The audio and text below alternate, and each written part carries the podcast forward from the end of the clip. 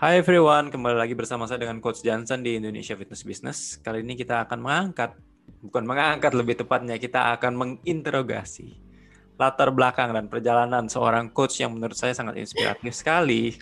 Belum apa udah ketawa dia. Langsung perkenalkan diri, yuk. Iya. Oke, selamat uh, pagi. belum ini ya, belum belum Coach, connect ya. uh, saya Azani Fitria. Uh, Oke. belum connect. Iya, Uh, iya, apa? iya, nggak apa-apa. Saya Azani Fitria. Kebetulan uh, di APKI saya dan Adianti partner saya uh, memegang modul untuk Back to Fit atau uh, pre and post natal uh, ser- apa sertifikasi untuk uh, program ibu hamil dan pasca melahirkan. Safe, safe exercise for uh, pre and postnatal ya. Iya betul. Nah, um, saya hari ini sebenarnya mau mengangkat lebih ke ke cerita dari seorang coach Azani sih. Daripada apa aja course-nya yang ada di Born to Fit atau Be to Fit itu. Nah, kira-kira boleh nggak sih uh, cerita sedikit dulu latar belakangnya atau uh, yang berhubungan dengan dengan pekerjaan kamu saat ini? Ya, eh eh, latar belakangnya kenapa kenapa sekarang ada di bidang ini karena emang dasarnya kan suka olahraga coach. Eh, dari kecil memang into olahraga, nilai-nilainya juga kalau dilihat olahraga tuh lumayan lumayan eh, Oke ya. apa ya? Oke Bagus. gitu. Jadi Berarti memang Jadi- suka olahraga dari kecil. Iya suka olahraga gitu. Eh, apa namanya? eh, nah waktu SMP kebetulan eh, ada klub taekwondo dan menekuni sampai akhirnya bisa cukup serius ikut kejuaraan-kejuaraan. dari Wow, sempat yang kejuaraan taekwondo juga. Iya, jadi sempat menekuni di bidang itu sampai apa namanya ya dari mulai yang sifatnya antar klub, antar sekolah sampai kemudian ikut Indonesia Open dan sebagainya. Nah cuman Oh ya?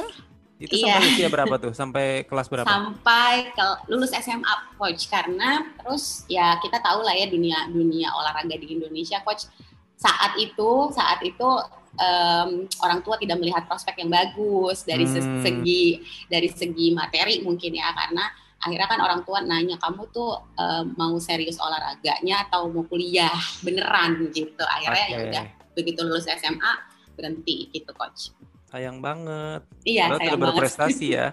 iya Tapi iya. ya, again kalau memang misalnya orang tuanya mengatakan begitu susah juga sih untuk untuk ngelawan ya. Tapi iya kok kok tiba-tiba dari dari taekwondo, dari maksudnya dari seorang perempuan yang sangat aktif uh, physically tiba-tiba larinya ke pre and postnatal tuh kan kayak wow, itu Iya, jauh betul, loh betul. gitu loh. iya Kenapa? Kenapa coach? Em, jadi itu tuh semuanya dimulai sebenarnya waktu waktu SMA kan ada ada penjurusan ya coach ya. Aku pun tidak pernah berpikir untuk menjadi seorang bidan, tidak pernah sama sekali. Mm-mm. Sampai kemudian eh, titik-titik aku menemukan eh, tujuan hidupku, aku merasa di situ ketika eh, aku kayak terpanggil, aku diterima. Jadi waktu itu ujian, ujian karena emang Usia orang berapa? tua lulus SMA, lulus SMA kan kita ada ada Wah. pilihan kita mau ke mana gitu You kan. know, lulus SMA sudah mendapatkan tujuan hidup tuh Enggak nggak sih? belum belum belum nyampe tujuan hidup, tapi Ah. eh, aku Passion lah ya. mendengarkan iya mendengarkan mendengarkan instingku gitu apa yang benar-benar eh, aku inginkan gitu coach jadi eh, waktu itu kebetulan diterima di universitas negeri juga yang memang aku daftar dan diterima juga di di universitas negeri yang jurusannya waktu itu kebidanan tapi entah kenapa saat itu kok aku into midwifery banget gitu yang hubungan dengan perempuan gitu akhirnya ya diambil lah ke sana dan ternyata memang oh aku kok suka banget gitu Hmm, jadi kasarnya tuh tapi nggak ada yang ngasih tahu gitu. Maksudnya Azani kamu ngambil ini aja gitu. Enggak, jadi orang tua eh, ada ada ada ada ada pilihan di depan yang A dan B orang tua ya udah terserah mana yang kira-kira kamu eh, Oh ini pilihan yang diberikan menjalankannya. orang tua. Selain Enggak. sebagai bidan apa?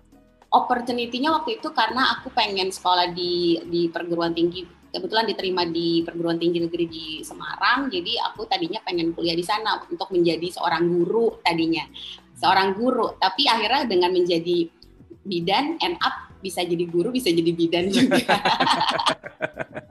Ya maksudnya kan pilihannya kan biasanya ada ekonomi, kemudian ada Ya. yang masih berhubungan sampai inilah yang common. gitu. matematika coach jauh banget Iya, kok tiba-tiba kok tiba-tiba bidan atau guru? Iya, dulu Pilihan dulu itu orang tua yang berikan. eh, saya milih sendiri, tapi Ah. kemudian pintunya terbuka, Detailkan. jadi orang tua eh, apa menyarankan mana yang kamu kira-kira Hmm, happy untuk jalanin gitu. jadi bener-bener kayak ini ya, eh, tiba-tiba bisa ada apa ya, ada insting lah ya untuk mengatakan Iya. antara ini sama ini gitu ya.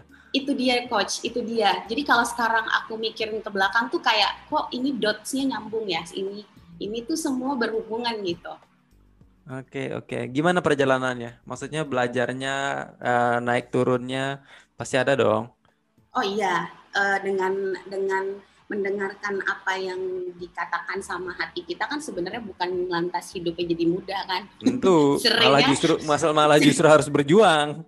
Kadang-kadang dengan menjadi idealis bukan bukan idealis yang seperti apa ya, tapi artinya de- dengan kita coba eh, jujur sama apa yang kita rasain kan, apa yang dikatakan sama inner voice kita kadang-kadang justru sebenarnya tantangannya lebih berat. Nah, eh, itu yang sih yang yang saya rasain coach.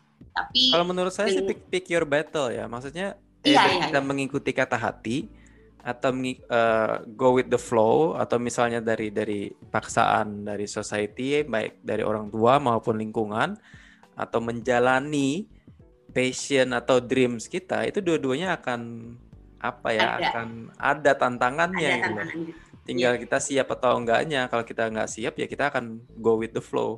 Tapi kalau kita siap ya kita akan fight gitu loh. Gitu kan Iya, ya. itu dia yang membedakan karena motivasinya dari dalam. Jadi eh, so far eh, itu yang membuat saya Ya. apa membuatku tetap fight apa coach. apa apa kendala-kendala dan apa tantangan-tantangan saat kamu mengejar mimpi kamu atau passion kamu ini? Salah satunya yang paling terasa adalah dunianya berisik kan coach. Jadi makin Ah. lama dunia tuh kan berisik ya, berisik dalam arti udah sosial media ini. Kadang-kadang tuh yang paling aku rasain adalah kita jadi gampang eh, beralih. Kadang-kadang purpose-nya jadi apa? Kita tuh sebenarnya nggak ke situ tujuan Distract. kita nggak ke situ, ke distract gitu. Jadi itu sih menurut saya yang paling. Jadi kita jadi bukannya fokus sama kekuatan kita, tapi jadi pengen kayak gitu deh Iya. gitu. Sebenarnya nggak ada yang salah, tapi kan kita juga harus balik lagi eh, apa yang jadi kekuatan kita gitu, nggak usah fokus sama orang lain gitu. Nah itu kadang-kadang yang suka nge-distract coach. Iya iya betul betul itu juga memang memang tantangan terbesar itu adalah di- distraction sih. Iya. Sampai kita tidak bisa melihat lagi kekuatan atau kelebihan yang kita miliki gitu loh. Iya. Karena be- we become we want to become someone else instead Iya. of being ourselves tapi better gitu kan. betul. The- that's the biggest challenge yang dihadapi untuk anak-anak sekarang malah generasi saat ini yang di mana melek teknologi mereka lahir di ke dunia aja udah kena selfie kalau kita kan belum kena ya sama Iya, ibunya bener-bener. kan belum baru baru berapa hari udah di Udah selfie.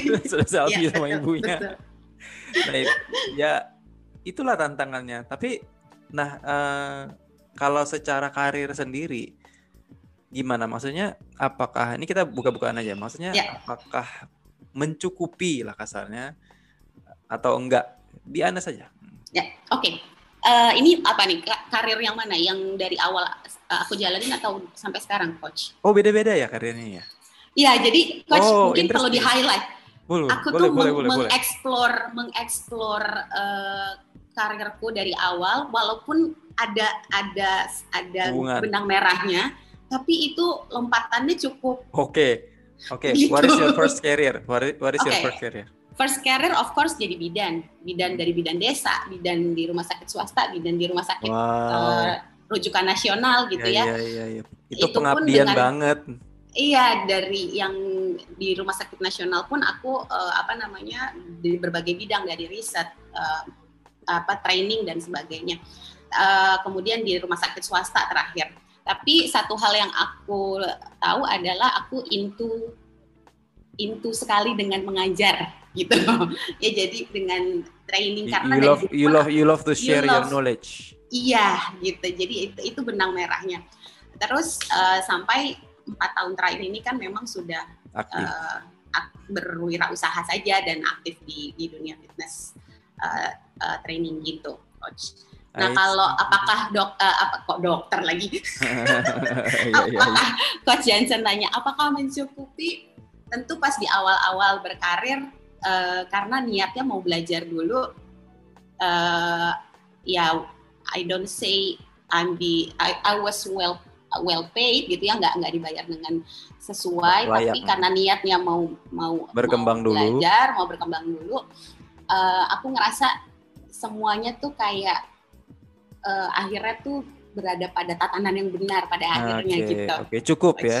Cukup alhamdulillah uh, sampai syukur, hari ini. Syukurlah, syukurlah. Uh, kalau misalnya ada yang nanya, uh, Kak, Razani kira-kira menjamin nggak ya untuk mas kasarnya tuh untuk kehidupan sehari-hari itu menafkahi diri kalau misalnya let's say berprofesi seperti ya uh, Kak Azani sendiri misalnya. Kalau ada yang nanya kamu gitu, kamu jawab gimana? Oke. Okay. Uh, dengan yakin sih saya mau bilang iya bisa. Wow, that's very nice answer. Good, good, good, good, good. Ya, karena memang itu yang terjadi. Tapi tentu coach perjalanan untuk menjawab itu panjang ya coach ya. Apa yang kita berikan, value apa sampai orang kemudian mau uh, memberikan Membayarkan, investasi ya, jasa. dengan nilai yang uh, uh, yang tidak sedikit. Uh, mungkin mungkin saya, uh, aku kebetulan tidak tahu ya coach, tapi uh, mungkin uh, kelasku tidak murah gitu hmm. karena ini spesifik spesifik spesifik menurut, tapi, menurut saya sih bukan tidak murah tapi memang pantas ya ya gitu. Maksudnya, gitu tapi tapi iya ya kan, ya the what, problem what with fitness people, industry ya the problem with fitness industry adalah mereka merasa ini kebanyakan ya even the expert yeah. merasa harga mereka kemahalan gitu loh oke okay. it's just it's just people yang say harga kita kemahalan tuh ya just not your market gitu loh. Itu lebih yeah. tepatnya ya. Ini yeah. frankly speaking aja gitu loh. Ya, karena iya. kadang-kadang peperangan harga atau persaingan harga itu yang membuat kita akan kayak saya overpaid nggak ya atau saya undervalue gitu-gitu loh. Yeah, Jadi we keep questioning ourselves whether kita uh, kemahalan atau enggak jadinya. Betul. Karena kalau menurut saya kalau misalnya kita merasa uh, kita overpaid, lama-lama kita akan ada kayak nggak enak, sungkan untuk menurunkan harga jadinya gitu loh. Itu challenge ya. I mean itu artnya, seninya di mana kita bisa menemukan uh, antara kita being paid dengan uh, well well paid atau uh, kita over deliver atau under deliver sih. Itu yeah. itu kita alamin semua ke coach. Yeah. So ya uh, kembali lagi. Kalau misalnya uh, jasa kamu kasarnya itu sudah bisa sudah mencukupi lah untuk menafkahi kehidupan, artinya pekerjaan di bidang yang pre and post natalnya sebenarnya menjanjikan dong. Oh iya tentu saja. Kenapa coach? Karena uh, orang tidak akan berhenti bereproduksi, right? Betul sekali. ya juga ya. Benar juga. Nah ngomong-ngomong reproduksi, tentunya ada cerita-cerita menarik nih dengan kamu, dengan klien-klien kamu. Waktu awal-awal, apa ya. sih yang yang membuat kamu feel alive misalnya testimonial kah atau kayak ini akhirnya akhirnya saya bisa melahirkan atau saya melahirkan dengan lancar dan lain-lain ada nggak momen-momen kayak gitu? Oh iya coach, iya banget. Jadi uh, apa namanya yang mulai dari awalnya uh, apa namanya klien-klien biasanya olahraga cuma karena biar lahirannya normal gitu kan. Terus kita bisa mengedukasi mereka bahwa olahraga saat hamil itu bukan cuma itu, tapi kualitasnya hidupnya lebih lebih baik. Dia nggak ngerasain sakit punggung dan segalanya gitu. Jadi simple mereka, aduh happy banget gue nggak ngerasain sakit punggung gitu. Misalnya kayak gitu tuh udah aku udah alhamdulillah gitu. Apalagi sekarang coach uh, karena uh, banyak juga pegang yeah, pasien uh, pasien sorry klien-klien klien-klien postnatal itu uh, ada yang ya yang paling simpel uh, tadinya ngompol-ngompol kan kalau orang muslim coach uh, sholat jadinya keganggu ya karena iya, nggak yeah, nggak yeah, suci yeah, gitu ya. betul. jadi harus bolak-balik uh, ganti pakaian dalam dan sebagainya gitu. Jadi dari paling simpel itu. Kemudian yang paling signifikannya misalnya mbak aku nggak tahu ini bagaimana bekerjanya tapi aku ngerasa uh, berhubungan dengan pasanganku jadi lebih uh, kerasa nyaman gitu. Itu kan oh, ya? sesuatu yang ya oh, jadi ya, sesuatu ya, yang ya, aku itu quality alhamdulillah. of life iya betul. Coach quality of life-nya jadi kan oh kan naik gitu. That's very nice to hear. Well done coach. Dan itu yang membuat kamu keep coming I ya keep coming going, coming yeah. coming back sampai yang kadang-kadang ya nama saya juga ngerasakan lah passion passion kita kan kadang-kadang kita ada kayak aduh uh, iya. malasnya jenuhnya atau ya we both know lah. Yeah itu ya, gimana? Betul. Kamu uh, apa yang kamu lakukan untuk mengatasi rasa-rasa seperti itu? Berhenti, coach. Berhenti? Apalagi pan berhenti maksudnya pause. sorry bukan oh, berhenti, oh, pause, take uh, pause. rest, rest, rest. Jadi uh, uh, istirahat ya. Jadi uh, kadang-kadang uh, jenuh tuh karena kita udah stuck di situ. Terus ya aku selalu coba untuk explore, explore lagi. Maksudnya mungkin dari segi klien aku coba uh, kurang maintenance yang ada aja. Aku nggak ngambil klien baru. Sempat kemarin membatasi terus ya, membatasi. membatasi uh, jadi karena kalau kita uh, simply karena aku ngerasa kalau udah overwork udah makin ini penuh gitu semuanya. Jadi udah Jadi emang harus ada restingnya, harus Ya. balance. ada rest atau breaknya, Ya. kemudian comeback stronger lah ya. Iya betul. Ya, iya, iya, iya. Nah, ngomong-ngomong tentang ini loh, tentang kamu sebagai seorang uh, coach di bidang pre and postnatal, ada nggak rasa concern terhadap fitness coach yang tidak memiliki edukasi di bidang ini? Karena to be honest ya, saya yakin banyak banget fitness coach yang menghandle klien tidak memahami fisiologis seorang ibu itu kasarnya main hantam aja nih coach maksudnya uh, Ya. apa langsung high intensity uh, plyometric exercise kalau misalnya lemah dasar lemah gitu aja uh, atau omongannya kayak gini kamu pasti bisa Eh, kayak apa ya tidak bisa melihat kemampuan kliennya itu terutama Ya. bumil atau pasca melahirkan ada nggak rasa-rasa uh meringisi lah Iya, ya aku sering banget nih, terutama sama Buti ya, sama Anti eh, ngobrol. Aduh, tapi eh, akhirnya itu eh, ada perasaan kayak nyes gitu ya. Tapi Iya, betul. eh, eh, tapi memang pada akhirnya kan coach kita fokus sama apa yang bisa kita rubah. Makanya aku sama Indeed. Buti tuh happy banget dengan adanya Apki karena kita punya wadah buat buat apa ya? Buat eh, berbagi gitu loh. Jadi nggak cuman eh, miris doang terus tidak melakukan apa-apa gitu tapi Benar kita melakukan sekali. sesuatu gitu karena kalau kita Exactly. cuman mau akhirnya cuma jadi nyindir sama julid aja. eh, eh, kan nggak ada nggak ada hasilnya juga coach gitu. Well, that's why kenapa kita ketemu semuanya, Iya. Azani, kamu, eh, Iya. apa, Azani sama ini Adianti juga, karena concern kita sebenarnya sama. Iya. Jadi kalau Betul. misalnya we keep blaming the environment, we keep blaming the ecosystem, and then we become part of the problems Iya. instead of part of the solutions. Gitu. Solution. That's why we Betul. focus, we shift our focus ke yang kau seperti kamu bilang tadi, Iya. we control what we can control, yaitu menjadi part of the solutions. Iya, Wow, I- ini baru tahu loh kalau nggak ada sesi ini saya nggak akan tahu nih pendengar Ya, luar biasa ya maksudnya ternyata visinya itu udah sama gitu loh. Nah kalau Iya. ngomong-ngomong tentang kualitas dari trainernya, kan kamu sudah kasarnya menelorkan membawakan workshop baik bersama APKI maupun tidak bersama APKI. Melihat dari perkembangan dari industri kebugaran yang berhubungan dengan pre and postnatal di Indonesia bagaimana? Em, dari segi apa nih coach? Kualitas coachnya dari keseluruhan lah. Maksudnya Oke. pasti kan kamu ada dreams one day semoga industri kebugaran fitness kayak gitu-gitu. Oh, oke. Ya, industri- Kalau quality dari dari pelatihnya, eh, sorry, kuantitas dulu. Kuantitasnya udah makin banyak, coach. Mm-mm. Tapi eh, memang eh, masih ada beberapa yang kayak masih ragu gitu. Terutama kalau kliennya klien hamil ya. Ini kalau klien pos, eh, sorry, balik. Kalau kliennya postnatal. Jadi ketika udah belajar malah jadi takut Parno. ini pegang klien postpartum. Ah, Iya ah, karena sudah gitu. tahu banyak banget yang mesti diberesin. iya banyak banget harus diberesin ternyata gitu jadi mereka malah lebih berani megang Bisa nggak kasih spirit nih, kasih semangat buat mereka nih di sini nih. Coach, Ya. gimana tuh mengatasinya coach?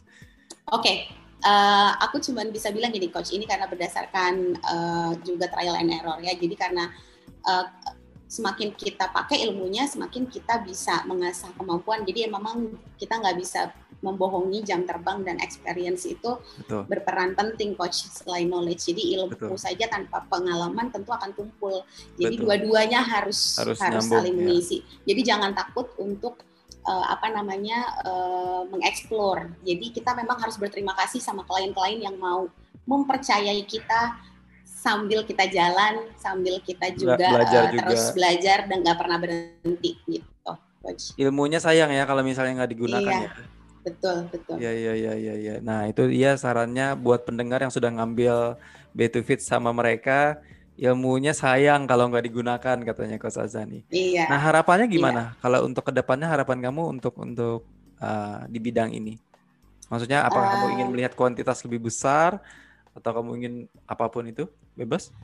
Uh, kuantitas lebih besar hmm, bisa iya bisa enggak tapi aku sih lebih pengen kualitas sih coach gimana cara hmm. membawa membawa klien-klien kita jadi lebih aman terus memberikan isu atau ad, meng, memberikan address mengadres isu-isu yang tepat misalnya orang hamil ya buat jangan diomongin tentang berat badan gitu ya, hmm. jangan ngomongin langsing, sorry. Hmm. Ya, Maksudnya ya, jangan ya, ngomongin ya, ya. berat badan harus uh, bla bla bla kalau dia beratnya normal-normal aja kenaikannya kenapa sih itu harus jadi Karena selama gitu, ini jadi, kan yang memotivasi pasca melahirkan itu adalah kembali langsing seperti gadis lah kasarnya. Iya, iya itu sih itu. itu gimana, mimpinya kayak gitu. Mimpinya kayak gitu sih coach. Jadi punya, uh, punya teman-teman yang bareng-bareng sama visinya lebih ke uh, kualitas hidupnya perempuan. Kalau kualitas hidupnya udah baik kan mereka juga nanti dengan dengan pada akhirnya akan mencari sendiri gitu loh ya, gimana ya, cara ya, menyehatkan ya. badannya. Iya gitu. ya, betul betul. Yang penting tuh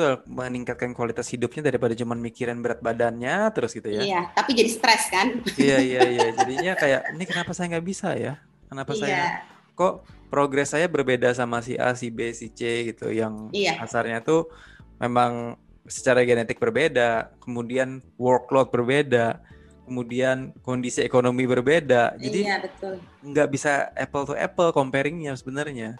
Iya. Nah itu mungkin uh, pastinya Kak Zazani pernah dapat klien yang seperti itu dong ya?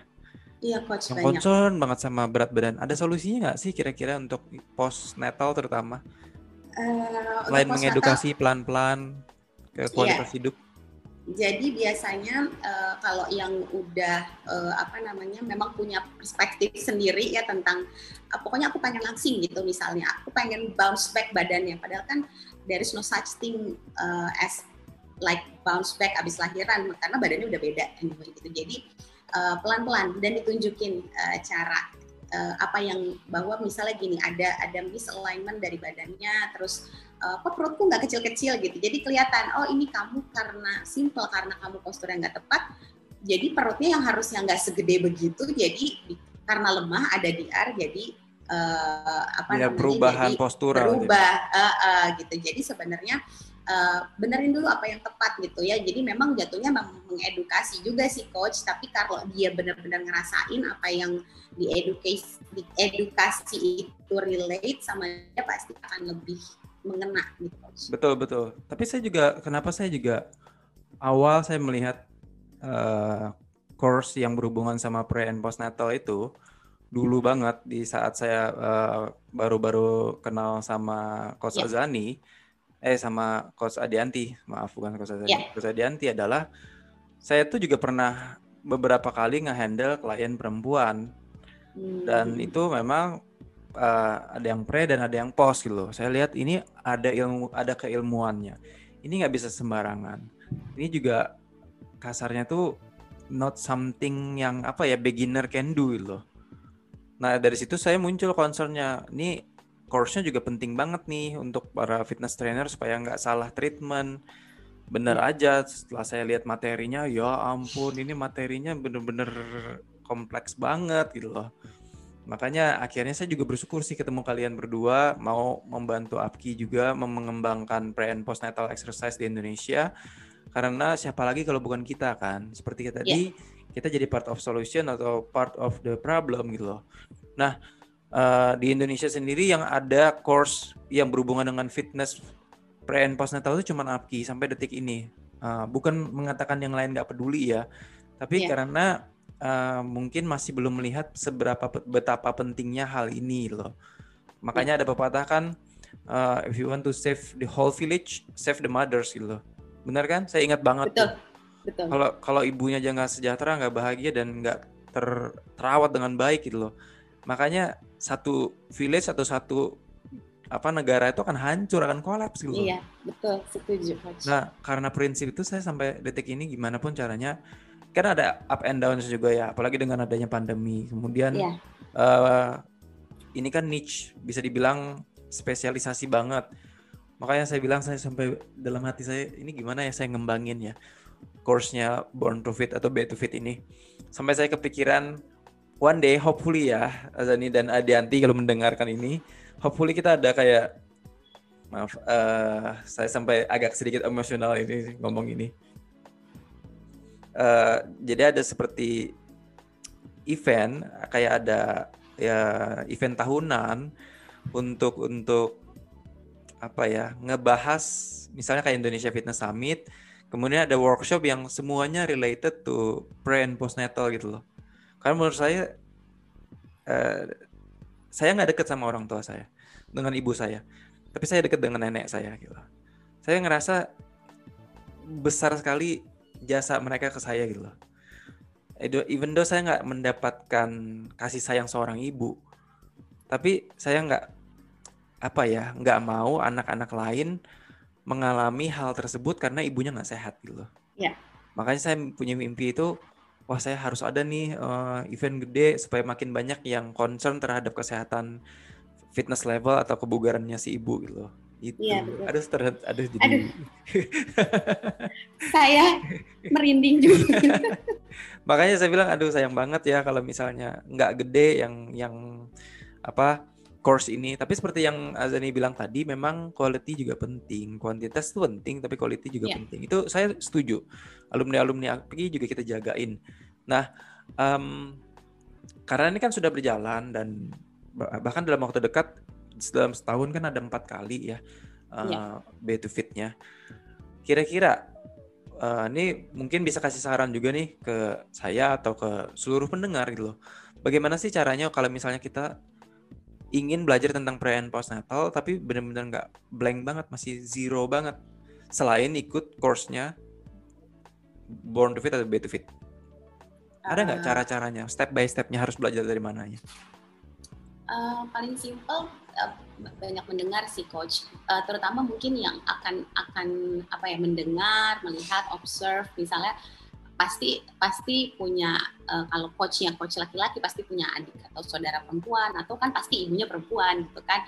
Uh, keluhannya beliau apa terus uh, punya kerabat yang lagi hamil oh apa sih yang dirasa itu satu. Kedua uh, baca of course. Uh, coach baca um, aku sendiri ngerasa karena konsisten dengan apa yang aku sukain dan aku cari selalu ada hal baru yang bisa dikulik gitu. Nah problemnya kan kadang-kadang kita untuk terjun ke segmen yang niche itu kan tidak semua berani coach karena Betul. ah kolamnya kecil nih gitu kan. Nah uh, tapi ketika kita emang udah concern ke situ dan emang uh, apa namanya fokus uh, tadi coach uh, terlihatnya mudah padahal kan perjalanannya nggak semudah itu. Jadi uh, fokus sih menurut menurut saya coach. Jadi setelah kita banyak observe, mendengar dan melihat sekeliling kita misalnya orang hamil, orang postpartum apa sih problemnya, keluhannya, terus baca, mencari uh, kemudian uh, fokus menurut saya harus fokus. Sebenarnya kalau dibilang susah. dibilang kecil yang kamu bilang tadi bahwa siapa sih eh, yang manusia kan pasti akan terus berproduksi. Sebenarnya pasarnya tuh iya. gede. Ya gedenya banget banget gitu. Cuman karena mungkin rasa takut karena banyak iya. banget PR-nya itu kali ya. Bisa jadi coach. Iya bisa, bisa jadi. jadi. Nah kalau misalnya di fitness kan ada nih step by stepnya. Kita belajar biomekanika dulu. Misalnya kita belajar mobilitas, kemudian kita yeah. belajar proper squat. Ada step by stepnya. Nah eh, mungkin yang menjadi concern saya adalah di pre and post natal ini kan mana yang harus dipelajari dulu, mana yang harus dipelajari later itu kan masih abu-abu kayak masih wah kocar apa terpencar-pencar gitu loh. Iya iya iya. Itu mungkin iya, ya betul. yang yang membuat bingung. Nah syukurnya di di di workshop sama course-nya Bay to Fit itu kan sudah terstruktur. Oh pahami dulu fisiologisnya. Oh pahami betul. dulu ini ada yang namanya pelvic floor. Oh iya. pahami dulu. Saya sampai hafal loh. Saya karena kan saya ngikut-ngikut gitu. Aduh saya udah ngeliat maaf ya saya udah melihat bukan yang ini nggak boleh disebut vagina. Oh vagina lagi ya namanya. Oh. saya apa uh, juga cara nggak langsung oke okay, ternyata bukan ya. Oh ini biasa sekti oh ini yeah. oh olahraga yang boleh yang nggak boleh ini. Yang yeah. first semester second semester third semester. Tuh kan saya sampai hafal iya istilah-istilahnya ya coach ya. Aduh seru banget memang. Kenapa? Kenapa yeah. saya suka banget ngikutin refresh adalah uh, walaupun hal yang sama saya pelajari tapi saya jadi kayak connecting the dots gitu loh.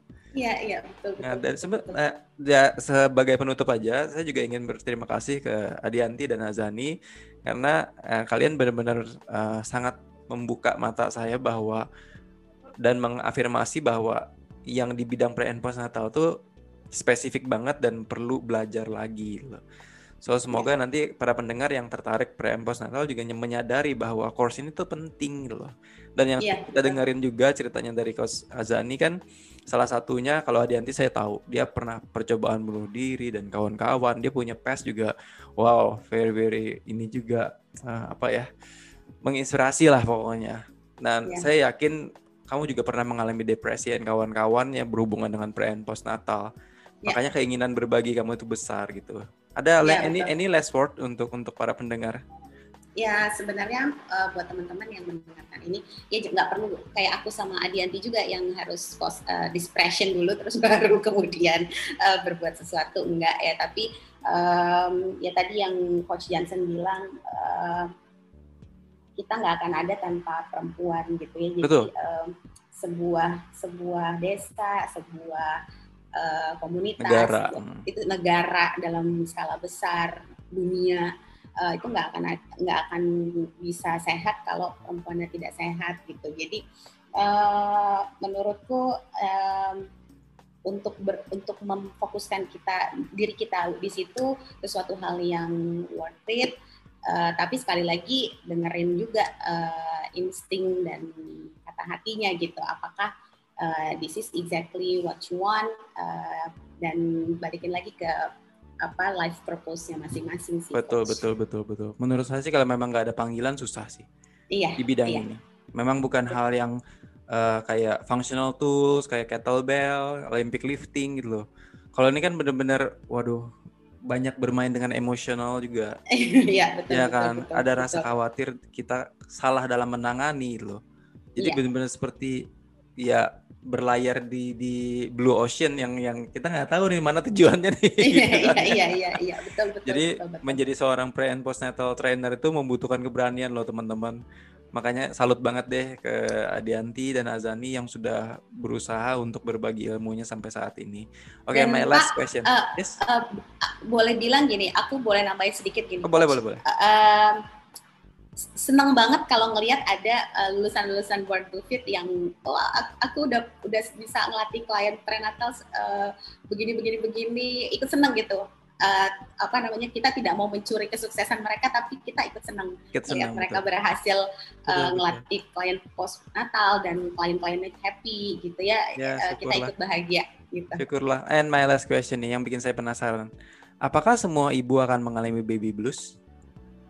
Uh, most mostly yes. Hmm. Mostly yes. Uh, Tapi dosisnya beda-beda.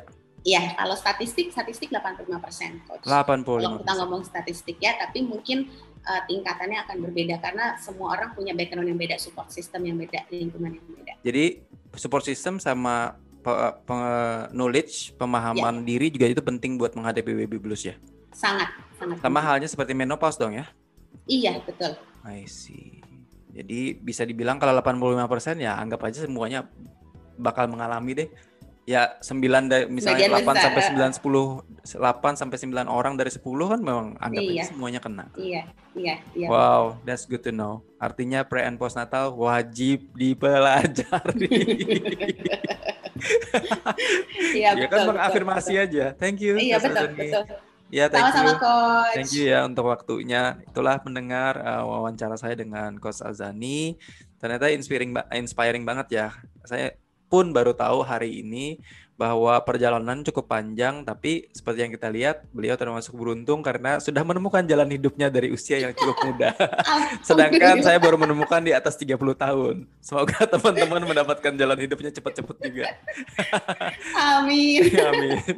Sampai jumpa di lain kesempatan. Thank you semuanya. Terima kasih.